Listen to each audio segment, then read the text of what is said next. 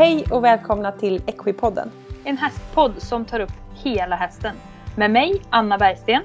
Och mig, Elin Weiner.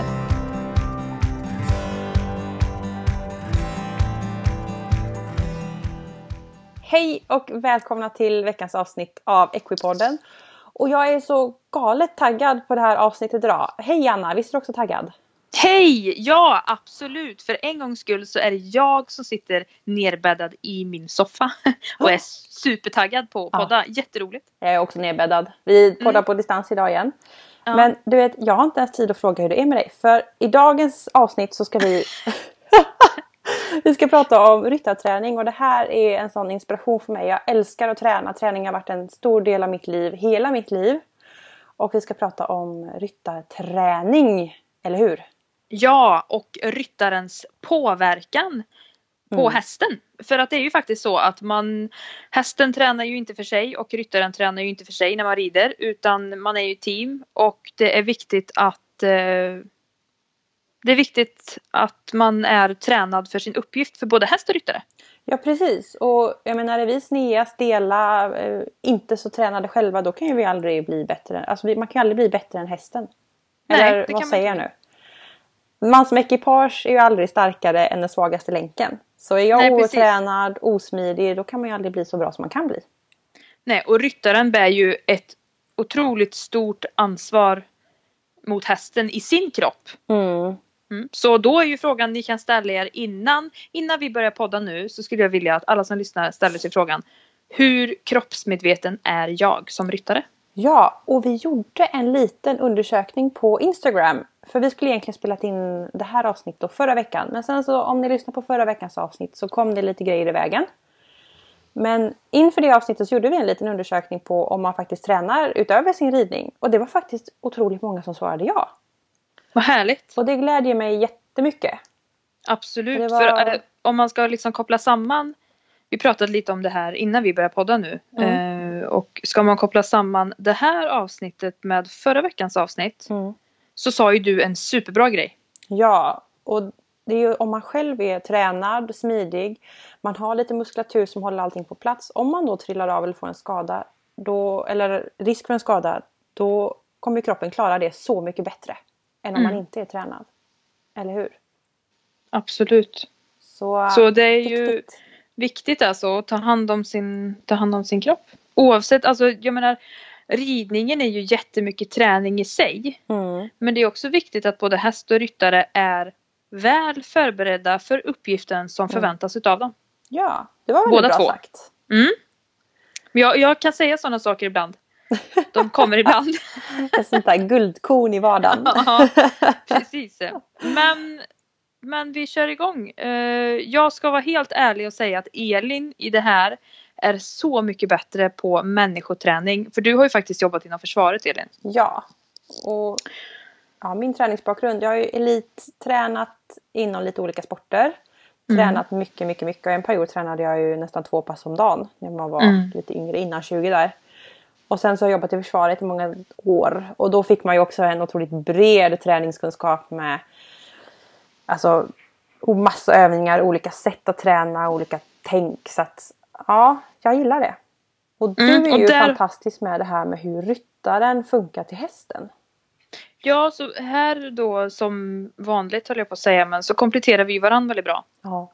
Så Elin kommer dra lite om ryttaren. Mm. Eller människan, hur människan som egen människa utan häst ska träna. Mm. Eh, och jag kommer att prata lite om ryttarens påverkan på hästen. Mm. Vad är viktigt? Vilken muskulatur är viktig på ryttaren? Mm. mm. Yes! Så kör vind, du får börja. Ja, tack, tack, tack. Um, jag tänkte börja med att bara bryta ner träningen och jag ser träning som tre separata delar eller tre delar som man kan träna för sig men ändå är viktiga för att få helheten. Och då ser jag kondition, styrketräning och rörlighet. Och mm. det är väldigt vanligt att man tänker okej okay, kondition, jag är ute och springer och så styrketräning, okej okay, jag går på gymmet. Och den här rörligheten glömmer man oftast bort. Och den är otroligt viktig. Och det är inte så svårt att väva in rörlighetsträning i sin vanliga träning faktiskt. Om man tänker på det med rörlighet tänker jag nu att Alltså rörlighet som i att jag är vältränad men jag är inte stel som en pinne. Rörlighet. Mm, ungefär. Ja. Och där okay. har jag ett lite roligt exempel. Jag fick göra sån här test på rörligheten i bröstryggen när jag jobbade i försvaret. Mm. Och jag som, eh, ja, jag är lite överrörlig generellt i mina leder. Och eh, jag går inte sådär och pumpar på gymmet så här, åh discomuskler. Som eh, vissa killar som jobbar i försvaret gör. no judgment. Nej, ingenting. Ja. Mm. Och då gjorde vi ett test för att testa rörligheten i bröstryggen och jag klarade det jättebra. Och då så fick en kille testa som var en sån där riktig gymrotta. Eh, och riktigt så överkropp så här. Och han var så stel, han klarade inte av att göra övningar överhuvudtaget. För han var så stel i sin bröstrygg. Han kunde inte alls röra. Då såg man så här, åh vad viktigt det är att verkligen ha den här mångsidiga träningen. Och också mm. kopplat till som vi sa innan här, om man skulle trilla av och är stel. Då finns det ju en större risk för att skada musklerna. Eller skada sig. Mm. Ja. ja, och det ska jag bara flika in att den tjejkompisen som, som ramlade av till mig, mm. eller min tjejkompis som ramlade av, eh, hon är otroligt stark i sin kropp. Mm. Och jag tror det är därför hon klarade det så som hon mm. gjorde. Jätteviktigt. Mm. Så att, ja, Superbra. Det är viktigt att tänka på de tre delarna. Och ja. liksom rörlighet och ja visst det är bra att stretcha till exempel. Eh, men även att jobba med musklerna i olika lägen.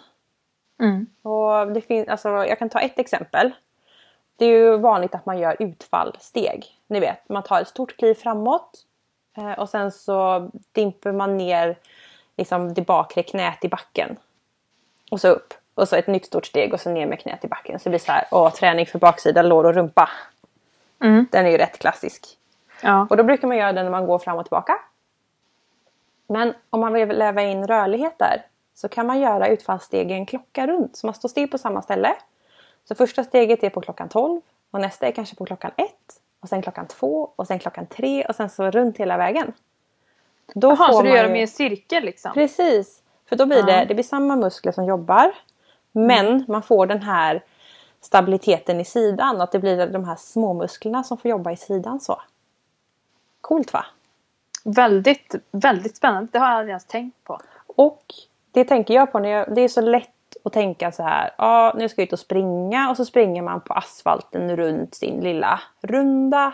Samma tid, samma hastighet, samma underlag runt så. Gud vad duktig jag var idag. Och så då blir man liksom också det här rakt fram, samma muskler, monotont arbete. Och springer man dessutom på asfalt så är det lite tufft för lederna. Mm. Och så tar man istället och så går man till skogen. Och så springer man antingen på en skogsstig eller offroad. Alltså helt ut i skogen. Det är lite inne nu med sån här trail run. Ranger trail. Yes, ut i skogen. Yes. Och då blir det också så här. Man blir trött så mycket fortare. För du måste lyfta på benen mer. Och när foten landar så är det inte ett plant underlag utan det blir ju så här vickar lite. Hänger upp vad jag ja. menar? Och då är det alla de här små muskulaturen som måste stabilisera upp liksom foten, fotlederna, höften, benet, knäna. Allting måste stabiliseras upp i sidled. Och det är det som är så bra med det här med rörligheten och det är så viktigt. Coolt va? Absolut, verkligen. Och det här är ju jättebra. Alltså, bara som en sån sak du sa det här med, med utfallen där i en cirkel. Det har mm. jag aldrig ens tänkt på. Nej jag vet, man gör ju inte det. Men det är så enkelt om man bara börjar tänka på det här med rörlighetsträning så kan man googla lite då. Mm. Då finns det sådana små knep att göra. Man kan, vissa gör ju så här situps på pilatesboll. Mm. Det är också den här sidostabiliteten. Och småmusklerna. Absolut. För det är de som hjälper att hålla ihop alla leder och och allt sånt där nu då. Mm. Så styrketräna, kondition och rörlighet. De tre delarna ska man försöka baka in i sin träning. Yes, absolut. Då kan man ju fråga sig hur mycket ska man träna då? då? Och... Ja, för alltså jag behöver inte gå längre än till mig själv. Mm. Eh, att Det är klart att jag skulle ju vilja träna mer än vad jag gör. Ja. Men handen på hjärtat, jag har inte tid. Det där är ju så himla svårt. Ja. Och speciellt när man, nu äger ju inte jag häst längre så jag har ju tid att träna utanför ridsporten. Mm. Men när man äger häst då är man ju i stallet alltså och jobbar. Men ja. det finns en tumregel som säger att om man ska bli bättre mm. så ska man försöka träna tre dagar i veckan. Vill man alltså, mm. bibehålla sin eh, status så ska man träna två dagar i veckan. Okej. Okay. och här kan man ju väva in då om man tänker att stalljobbet ändå kanske kan kvalificeras som kanske ett eller två träningspass. Och då kanske framförallt kondition om man är ute i skogen och sådär. Man blir lite andfådd och man, pulsen går ju upp när man rider. Mm. Då kan man ju testa, om man inte tränar alls utanför sin ridsport, så kan man ju testa att göra ett styrketräningspass hemma. Och i det styrketräningspasset lägga in lite rörlighet. Då tror jag man kommer ju... känna skillnad, att man kommer bli bättre.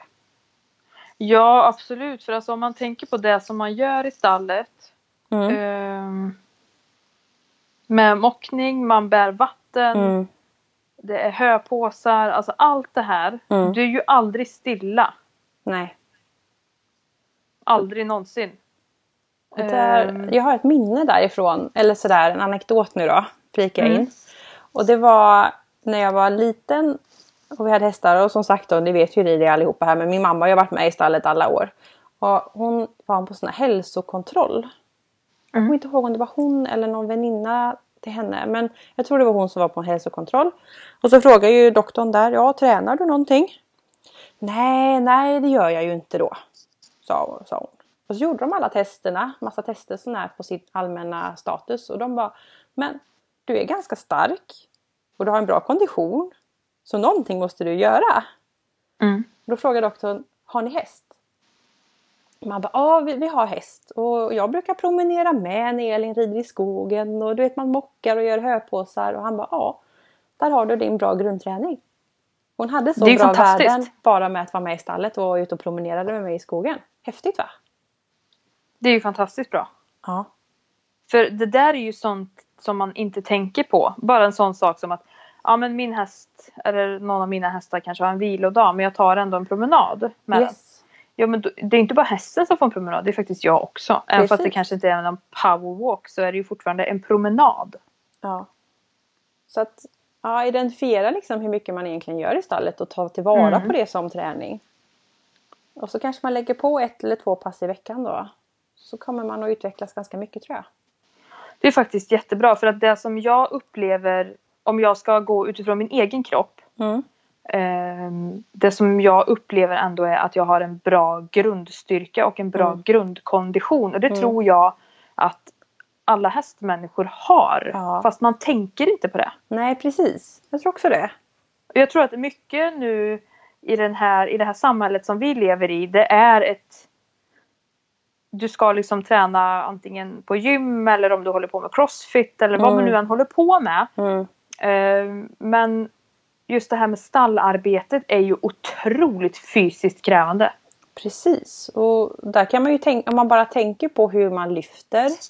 Alltså så här, nu tänker jag om man ska lyfta en höbal till exempel att man inte lyfter med ryggen utan att man tar liksom bara böjer sig ner rak i ryggen och gör liksom som nästan ett marklyft. Liksom. Mm, mm. Så det är ju grymt bra träning. Det är superbra. Ja. Så det finns mycket att göra. Men tänk på det, tre delar och så försök testa en period och gå ut och träna lite mer annat också. Och man behöver definitivt inte gå på gym. Nej, det behöver man inte göra. Jag tänker bara på det här. Det första jag tänkte på när du sa rörlighet och du beskrev den här klockan i mm. utfallen. Mm. Då tänker jag dels på mockningen. Ja.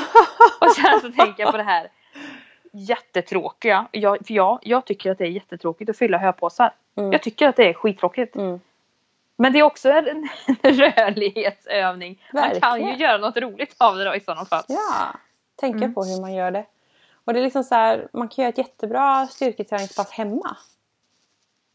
På, på vardagsrumsgolvet liksom. Ta 20 minuter och gör lite sit-ups, lite armhävningar. Köp någon lättare hantel och gör lite vikter. Alltså det är så enkelt. Och samma sak med löpningen. Det var som igår så var det liksom så här, ja jag vill träna idag, klockan blev sex, halv sju. Mm, vad ska vi göra? Bara, ja men jag och hunden vi går ut och springer ett varv. Så var vi mm. ute och sprang i 20-25 minuter. Och så är man färdig sen. Så himla enkelt. Ja och det är ju bara det här att man ska göra det. Mm. Sen så ska man ju inte sticka under stol med att det är ju faktiskt inte bara träningen som påverkar utan det är ju faktiskt vad man stoppar i sig också. Ja. Så är det ju. Och det är jätteviktigt. Och mm. Framförallt om man har mål till exempel att gå ner i vikt. Mm. Då är ju, jag såg någon siffra på det där att kosten står för 80% av en viktnedgång. Ja. Och träningen för 20. Så att, eh, men sen är det klart man kan inte göra det ena, bara det ena eller det andra utan det måste vara en kombination. Ja precis. Så är det ju. Det måste vara en kombination. Mm.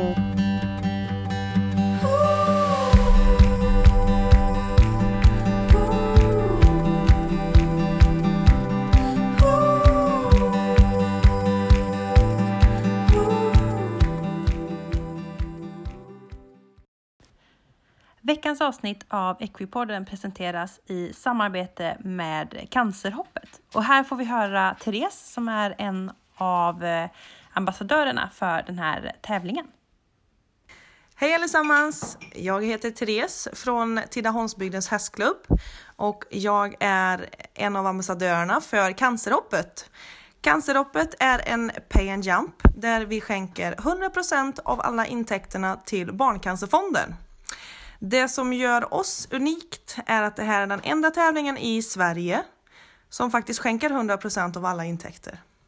Vi har olika sponsorer för både rosetter, fika och diverse alla kostnader som en vanlig tävling kan ha. Eh, därav så kan vi skänka 100% och förra året 2018 var första gången som vi hade den här tävlingen och då samlade vi ihop 91 300 kronor tillsammans vilket var fantastiskt roligt. Eh, det gläder oss väldigt mycket i Tidaholm eftersom vi är en relativt liten klubb på cirka 200 medlemmar. Men man kan göra ganska så stora ting om man bara har lite vilja, lite engagemang och lite glöd. Vi hoppas ju också självklart att det här ska ge ringar på vattnet och att fler kan tänka sig att ha något liknande. Man behöver ju självklart kanske inte ha så stora arrangemang men, men något mindre. Man kanske kan ha lite som standard att man har det en gång per år. Vore ju fantastiskt roligt.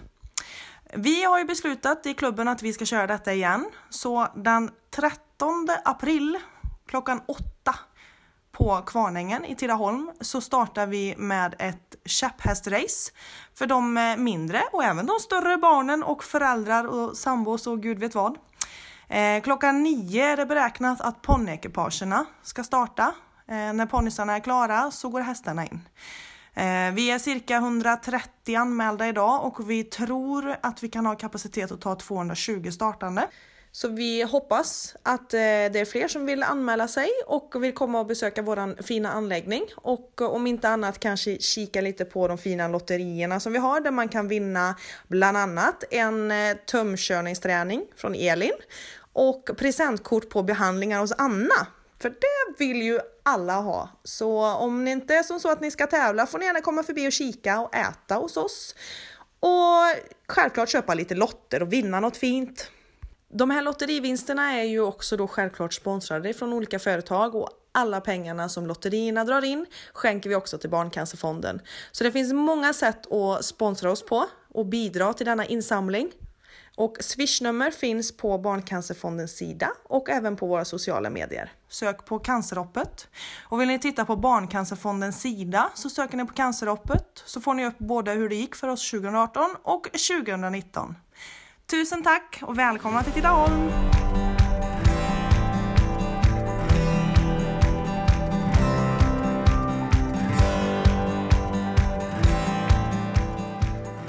Så nu har vi ju pratat lite om vad man som människa ska träna då. Mm.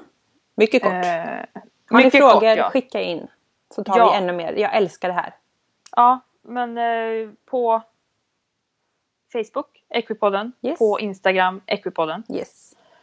Och nu går vi över lite till det här med ryttarens påverkan då, på hästen. Mm. För det är ju faktiskt hästar vi håller på med. Eh, och ryttarens rörelser liksom ihop med hästen, de, de ska ju vara i balans. Och det pratar man ju mycket om när man tränar. Sitt i balans, kom i balans, hitta din balans, mm. allt det här. Mm. Um, och det är ju också följsamheten. Så balans och följsamhet är ju liksom, de går hand i hand, de är superkompisar. Mm. Och det är det här som kräver en del av ryttaren och mm. ryttarens rörelsemekanism. Så är det ju. Ja. Och det är också det här med rörlighet yes. och, och, allt det här. Uh, ja, I dus del så kan du ju aldrig göra vissa rörelser liksom. Och då är ju, ja, mm, viktigt. Mm. Och det som påverkar ryttaren väldigt, väldigt mycket när man rider, det är ryggraden. Mm. Den utsätts alltså för en hel del både krav och påfrestningar när man rider. Mm. Och stabiliteten, om ni sitter nu eller står eller vad ni än gör när ni lyssnar på oss nu. Och så, följ, och så spänner ni eran magmuskulatur. Mm. Nu ska jag göra det, vänta. Ja, ja vänta. nu, nu har jag spänt min mage. för spänner du magmuskulaturen, för det finns ju någonting som heter korsettmuskulatur. Mm. Mm. Och det är ju mage, rygg och sidor. Mm. Och som ryttare så har du en, eller bör ha, behöver ha, en stark nedre bukmuskulatur. Mm. Jag ska också säga faktiskt att nu är det ju både tjejer och killar som lyssnar på oss, men vi kvinnor kan ha lite problem när, vid födsel av barn. När vi ja, föder barn. För att den här nedre bukmuskulaturen den jobbar emot verkarna. Jaha! Är alla med på hur? Ja, alltså den, den, liksom, den är så stark. Den krampar emot krystar, lite? Liksom. Ja, precis. Ja. Eh, så magmuskulatur, superviktigt. Mm. För att du som ryttare absorberar ju hästens rörelser. Ja. Eller hur? Mm. Uh, och jag menar dina rörelser ska vara både följsamma och ja, men hyfsat avslappnade för att du ska kunna ha rätt inverkan på hästen. Ja. För ni, ni, vet ju också lite det här de, det, det, heter att hästen puttar över dig på ett sittben. Just det. det ja fast helt krasst liksom. Mm. Vilket sittben kommer längst ner i sadeln? Vilket sittben är du, har du mest kontakt med? Och det behöver ju faktiskt inte vara hästen som puttar över. Mm. Utan du kanske gör så. Dina sittben kanske gör så att hästen puttar över. Ja, mm. precis. Så det är jätteviktigt att ha lika mycket vikt på sittbensknallarna. Mm. när är hästen svårt. är rakställd. Ja. Uh, och då kommer vi in på det här lite med benlängd. Mm. För det är viktigt att ha lika långa ben. Nu gör jag såna här kaninöron i luften här när jag mm. sitter här hemma. Mm. mm. mm. Lika långa ben mm. på var sida av hästens bål. Yes. Och det är ju det här med att liksom hålla om. Ja. Och kontakt. Vad händer? Vad händer om höger sittben är längre ner i sadeln men då blir ju vänster ben kortare, eller hur? Ja. Ja, vad händer då? Men då sitter man ju snett. Ja, och vad händer då om du är dominant också i din högerarm? Och du drar upp, du spänner axeln och så får du en fallande hand och så kanske du vinklar handen lite. Vad händer då? Oj, då blir hästen jättesned ju. Ja, precis. Och sen så heter det att hästen är sned. Ja, precis. Mm. Det kan jag ju rätta till om jag typ sätter på inspänning, om jag tränar på ett visst sätt, betalar jättemycket pengar för en tränare. Mm. Så löser jag det, eller? För problemet sitter ju faktiskt inte i hästen.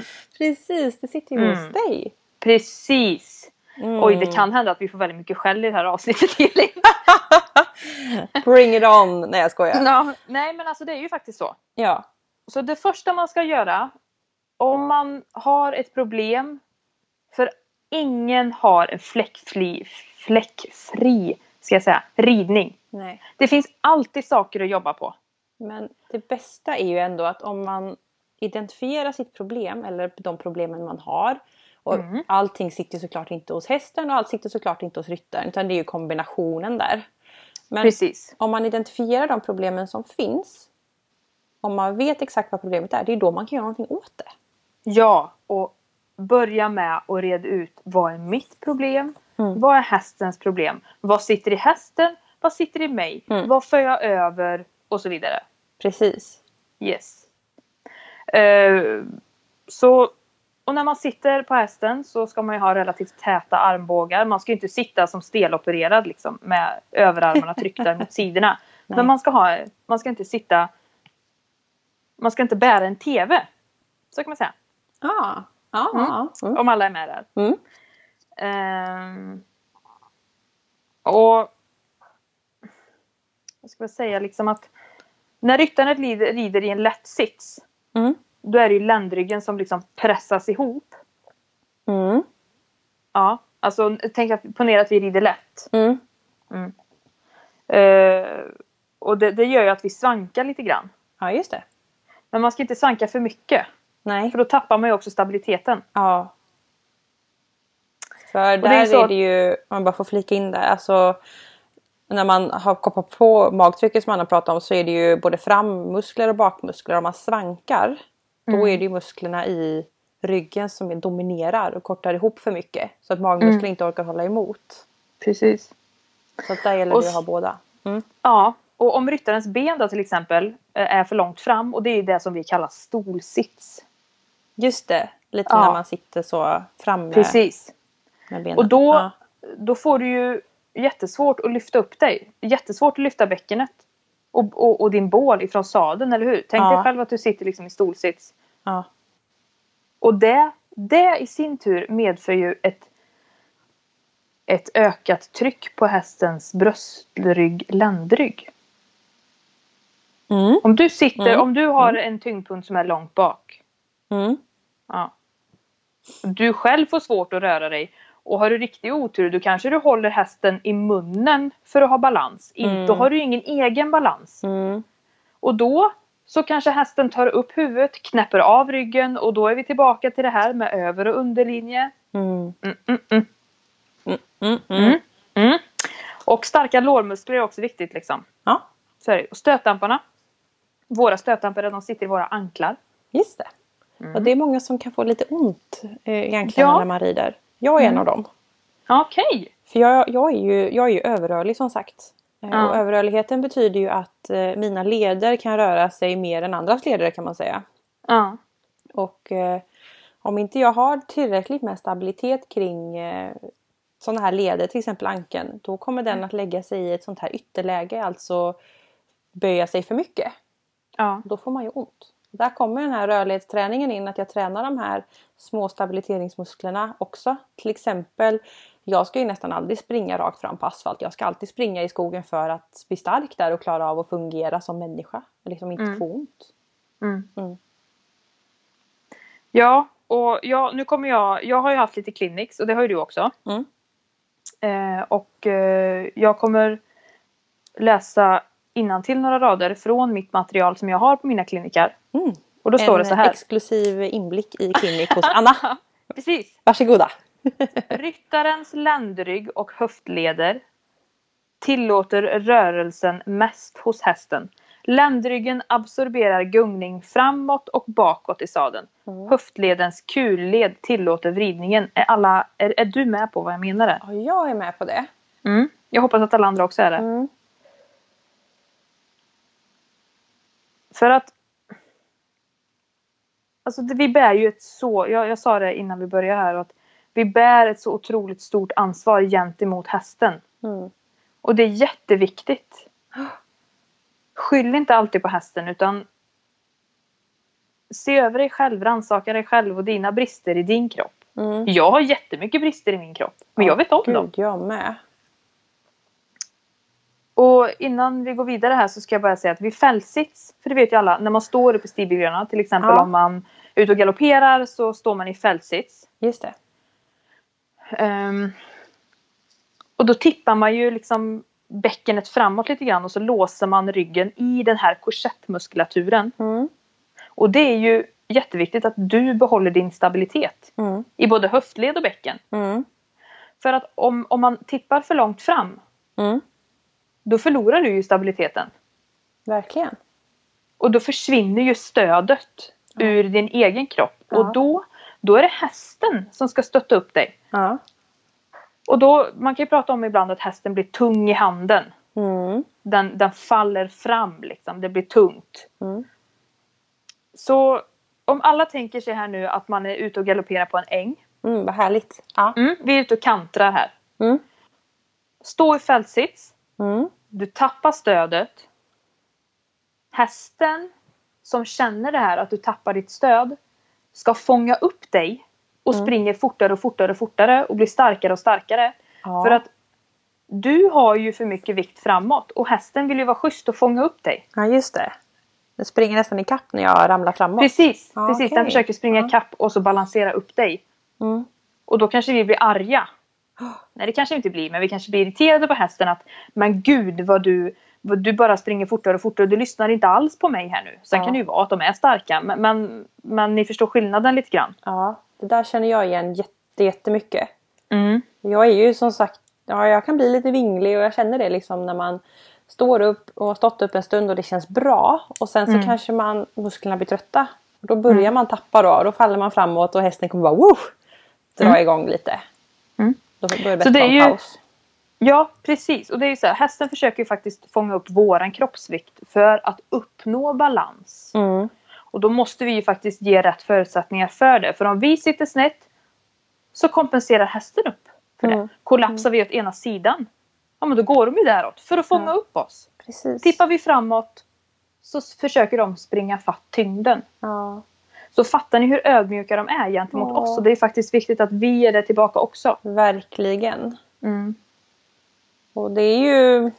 Ja, man får ta det liksom lite i perioder och, och känna att bara shit, nu blev jag faktiskt trött här. Eller nu börjar jag säcka ihop. Ja, men ta en skrittpaus då. Ja. Det är så lätt att känna, nu är hästen trött, nu tar vi en paus. Ja. Men jag kan ju bli lika trött. Ja, ja, ja. måste gud, jag ja. ha en paus, hur, även om hästen är, orkar. Ja. Mm. Jag vet på träningar, så om jag om, nu, jag kanske inte säljer mig när jag säger så här nu. Men om jag är jättetrött och, då, och så blir man så här då börjar hästen riva. Ja. Mm. Då börjar hästen riva och då säger jag så här, vi får ta en paus för att min häst är så himla trött. Fast det kanske är jag som är trött. ja, det, ja. det är nog väldigt vanligt. Men var ödmjuk gentemot hästen och er själva. Mm. Verkligen. Och vill, vet man inte om sina problem eller om man blundar för sina problem, ja men då blir det ju jättesvårt att göra någonting åt det. Ja. Så ta, där kan man ta hjälp. Och, och en annan sak som också, om man tränar utanför stallet, till mm. exempel ute och springer hemma eh, eller styrketränar hemma, då kan man också bli medveten om sina muskulära brister. Hur menar du? Jo, till exempel då om jag testar att gå ut och springa. Och då kan man känna så här, oj vad jag blev trött i lungorna. Jag får ingen luft, jag flåsar väldigt mycket. Ja, mm. då har jag dålig kondition, då får jag träna på det. Om jag däremot går ut och springer och känner att jo, men andningen funkar, men det bränner i låren.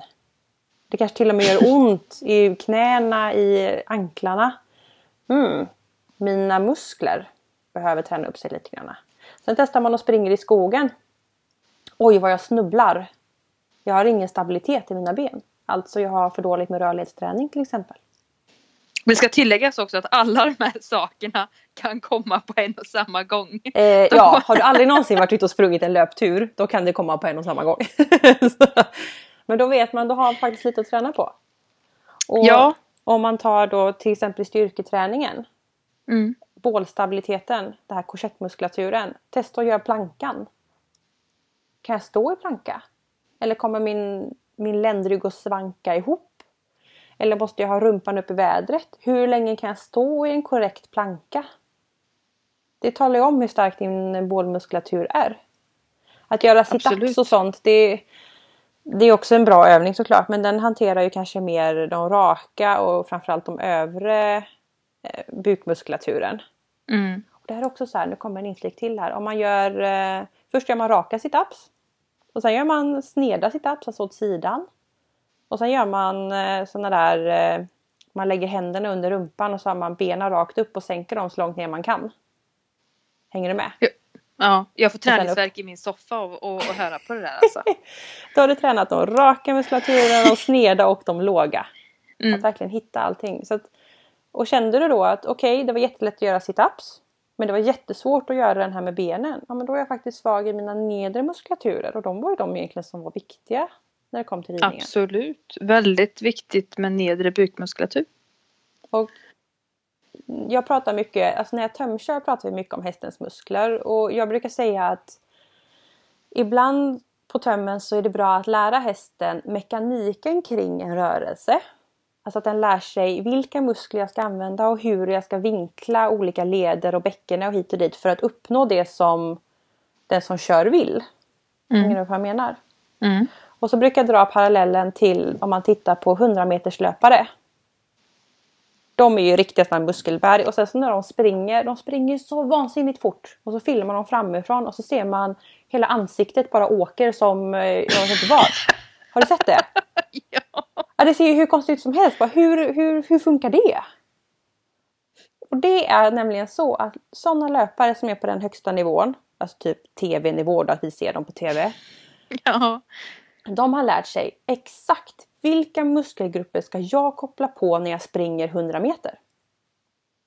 Punkt. Att koppla på ansiktsmusklerna, det behöver man inte för att springa fort.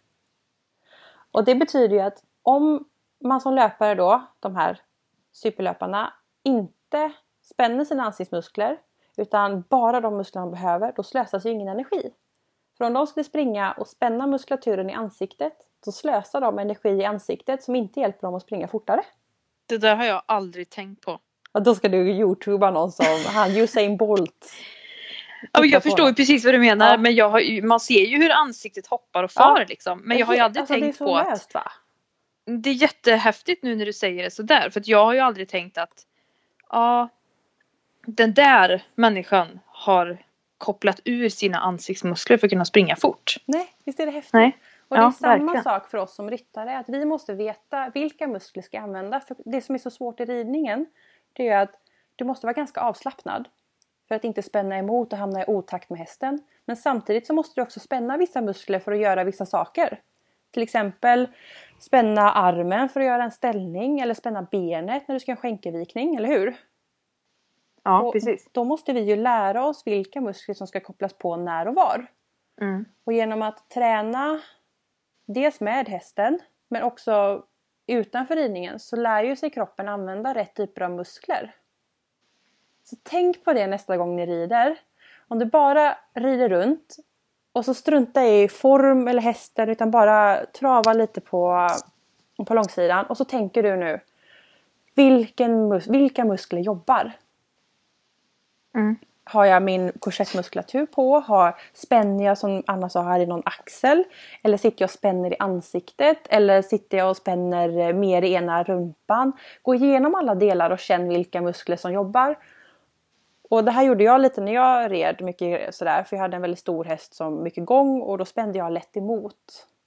Det gör man ju när det skumpar va. Mm. Och då satte man sig bara okej okay, slappna av nu. Börja med att bara försöka slappna av satt som en hösäck och sen koppla på, okej, okay, magmuskulaturen, check. Skuldbladen bak med armarna, ner med axlarna, slappna av där, spänn den, du, du, du, du, du. Bara, där hittar vi varandra. Då vet jag vilka muskler jag ska spänna. Och det där är ju jättebra och jag ska även säga att man kan ju träna ihop med hästen mm. men utan att sitta på hästen. Som om jag ska ut och jogga till exempel. Ja. Då kan jag ta med mig min häst. Ja. Och jag har ju faktiskt, det här kommer vi prata om i ett senare avsnitt, men jag har flyttat till ett nytt stall. Mm. Och precis intill det här stallet så är det en jättestor kulle. Ja. Så jag idag faktiskt ska klättra med mina hästar. Men jag ska gå bredvid. Ja. Alltså där har jag gjort en sån dum sak en gång. jag har en kund, hon har två hästar, jag har känt henne i många år så det här vet jag att jag får säga. Eh, och eh, vi har paddock och sådär men det, det, var väldigt, jag kommer inte ihåg vad det var, om det var mycket vatten eller någonting. Så vi bestämde oss för att vi kör lite i hagen. Mm. Och det går jättebra att tömköra alltså då. Och den ena, hennes ponny där, han är jättefin och jättesöt. Men han är lite bekväm med sina bakben va. Mm. De släpar gärna med lite sådär. Han, han trippar lite fram. Så det får vi alltid jobba med. Få igång bakbenen. Och han blir så sur på mig för jag kommer alltid åt honom. Och han får sådana fina bakben när man kommer igång. Men då skulle vi träna bakbenen då i hagen och hagen lutade lite granna. Så jag körde en halvtimme backintervaller med den här stackars ponnyn och stackars mig va. Så du vet, ökad trav upp för den här backen och jaga honom lite grann just för de här bakbenen så han verkligen fick trampa på. Han blev så läcker va, herregud. Men vad jag fick flåsa. Så ja men inte? det är ju, det är ju jättebra alltså, ja. att, att göra så och låta hästen Dels är det träning för dig mm. Och i tömkörningen också och även som jag ska göra idag Mm. Det är ingen påverkan av ryttaren så hästen kan ju röra sig precis hur den vill. Precis, och använda rätt muskler. Ja, jätteintressant. Ja, så jag ska idag tränsa och ut och gå i på den här stor och det är ingen, det är ingen liksom kulle kulle utan det är en jättestor kulle. Ja, du får ta en Jätte, bild. Ja, ja det ska jag göra. Den är jättestor. Jag kan faktiskt filma. Jag ja. lovar att inte filma mig själv. Jag Helt röd i ansiktet skaffa... och dreglar och röd. Och jag tänkte länge att jag ska skaffa en sån där selfiepinne för att det är nog, ah. det är himla bra. Ja visst vet du. Ja. Det tror jag på. För att eh, ta bort fokus från mig lite grann. Ja. Kunna filma hästen på håll. Nej men alltså det är jättebra att kunna kombinera ja. Träningsmässigt. Och jag älskar folk som lägger ut bilder när de är ute och springer med sina hästar. Jag vet många som är ute med sina shettisar ute och springer. Jag älskar det. Jag tycker ja. det är så fint. Och jag springer med min hund. Och det är också så världens bästa coach för han ligger alltid lite framför mig. För han gillar att ligga precis lite framför. Han har ett jättebra dragplåster ju. Ja, han orkar ju mer än mig kan jag säga. det blir lite jobbigt bara om hästen hela tiden lite, ligger lite framför. Ja, hästar får man kanske träna på ett annat sätt. Jag menar en labrador, han... Eh, ja, jag har lite att sätta emot men jag kanske inte kan sätta emot en stor häst. nej, nej. Nej, men uh, hur känner du? Jag känner att uh, vi, kan, uh, vi kan runda av det här med att säga att träna er, blir medvetna om era fel. Mm. Och kom ihåg att ni har ett ansvar gentemot hästen. Eller vi som ryttare. Precis. Och det mm. är svårt. Man får rannsaka ja. sig själv och hitta sina styrkor och sina brister. Och eh, det är ganska inne så här med centrerad ridning och sånt. Det handlar ju om sådana här saker. Ja. Mm. Man kan ta hjälp av en sån tränare. Men det går också att testa mycket själv som jag sa. Att liksom testa att vara ute och springa, testa att göra styrkeövningar hemma, testa din rörlighet. Och försöka hitta ens egna brister, för det är då man kan göra någonting åt det. Precis. Mm. Mm. Gud vad kul! Det här var ja. ett fantastiskt roligt avsnitt. Och ja, skicka verkligen. in frågor. Eh, tagga oss när ni tränar, sånt älskar vi. Eh, tagga era inlägg. Eh, Equipodden på Instagram och på Facebook. Yes, och nästa avsnitt Elin, vad ska vi prata om? Jag vet inte riktigt. oj vad jag la den bollen hos dig nu. Pang! Eh, vad, vad, ja du, vad ska vi prata om nästa gång? Det, ja, det får bli en överraskning. Vi har, uh, vi har lite gäster på gång här. Ja, vi, ja. ni behöver inte vara oroliga alla lyssnare. Vi har massa teman att ta upp. Ja, vi, vi kommer bland annat i framtiden här prata om vad ska man tänka på när man dels byter stall mm. Eller om man, när man säljer sin häst. Precis. Jag tänker på rutiner och, och både foderbyten, miljöombyten, ryttarbyten. Mm. Vad ska man tänka på? Mm, precis. Ja, så, så det kommer vi ta om det. Om ni har några. Mm. Eh, hoslagare har vi på gång. Mm. Eh, ja, det, det, finns att vänta alltså. Det finns ganska och, mycket. Vi har ju otroligt mycket ämnen som vi planerar att ta upp. Ja. Och väldigt mycket bra gäster som är på väg in. Dressyrtränare, ja. eh, hundtränare, vi har ju den här hoslagaren, foder, eh, mentalcoach. Ja, vi Tandläkare. Har tandläkaren, yes. Det finns på väg in. Vi ska bara mm. hinna spela in allting. ja, precis. Och vi, om någon av oss, eller om någon av er Mm. Eh, lyssnar på det här och är veterinär, kontakta oss. Ja, jättegärna. Skriv till oss. För vi vill ha en veterinär som gäst. Mm. Eller om ni har ett annat tips. Något ja. ni vill att vi ska ta upp. Inom vilken disciplin som helst. Hästfotograf har vi också på gång. Ja, hon är på väg. Fantastiskt roligt. Så mm. kul. Det kommer här om någon månad. En och en halv kanske. Ja. Mm. ja. Så vi rundar av och tackar för oss i det här avsnittet och hoppas ni får en jättebra vecka. Ja, mycket vår och sol hoppas vi på. Ja, verkligen. Ja, tack så mycket så får ni ha det så bra så hörs vi nästa vecka. Hej då! Hej då!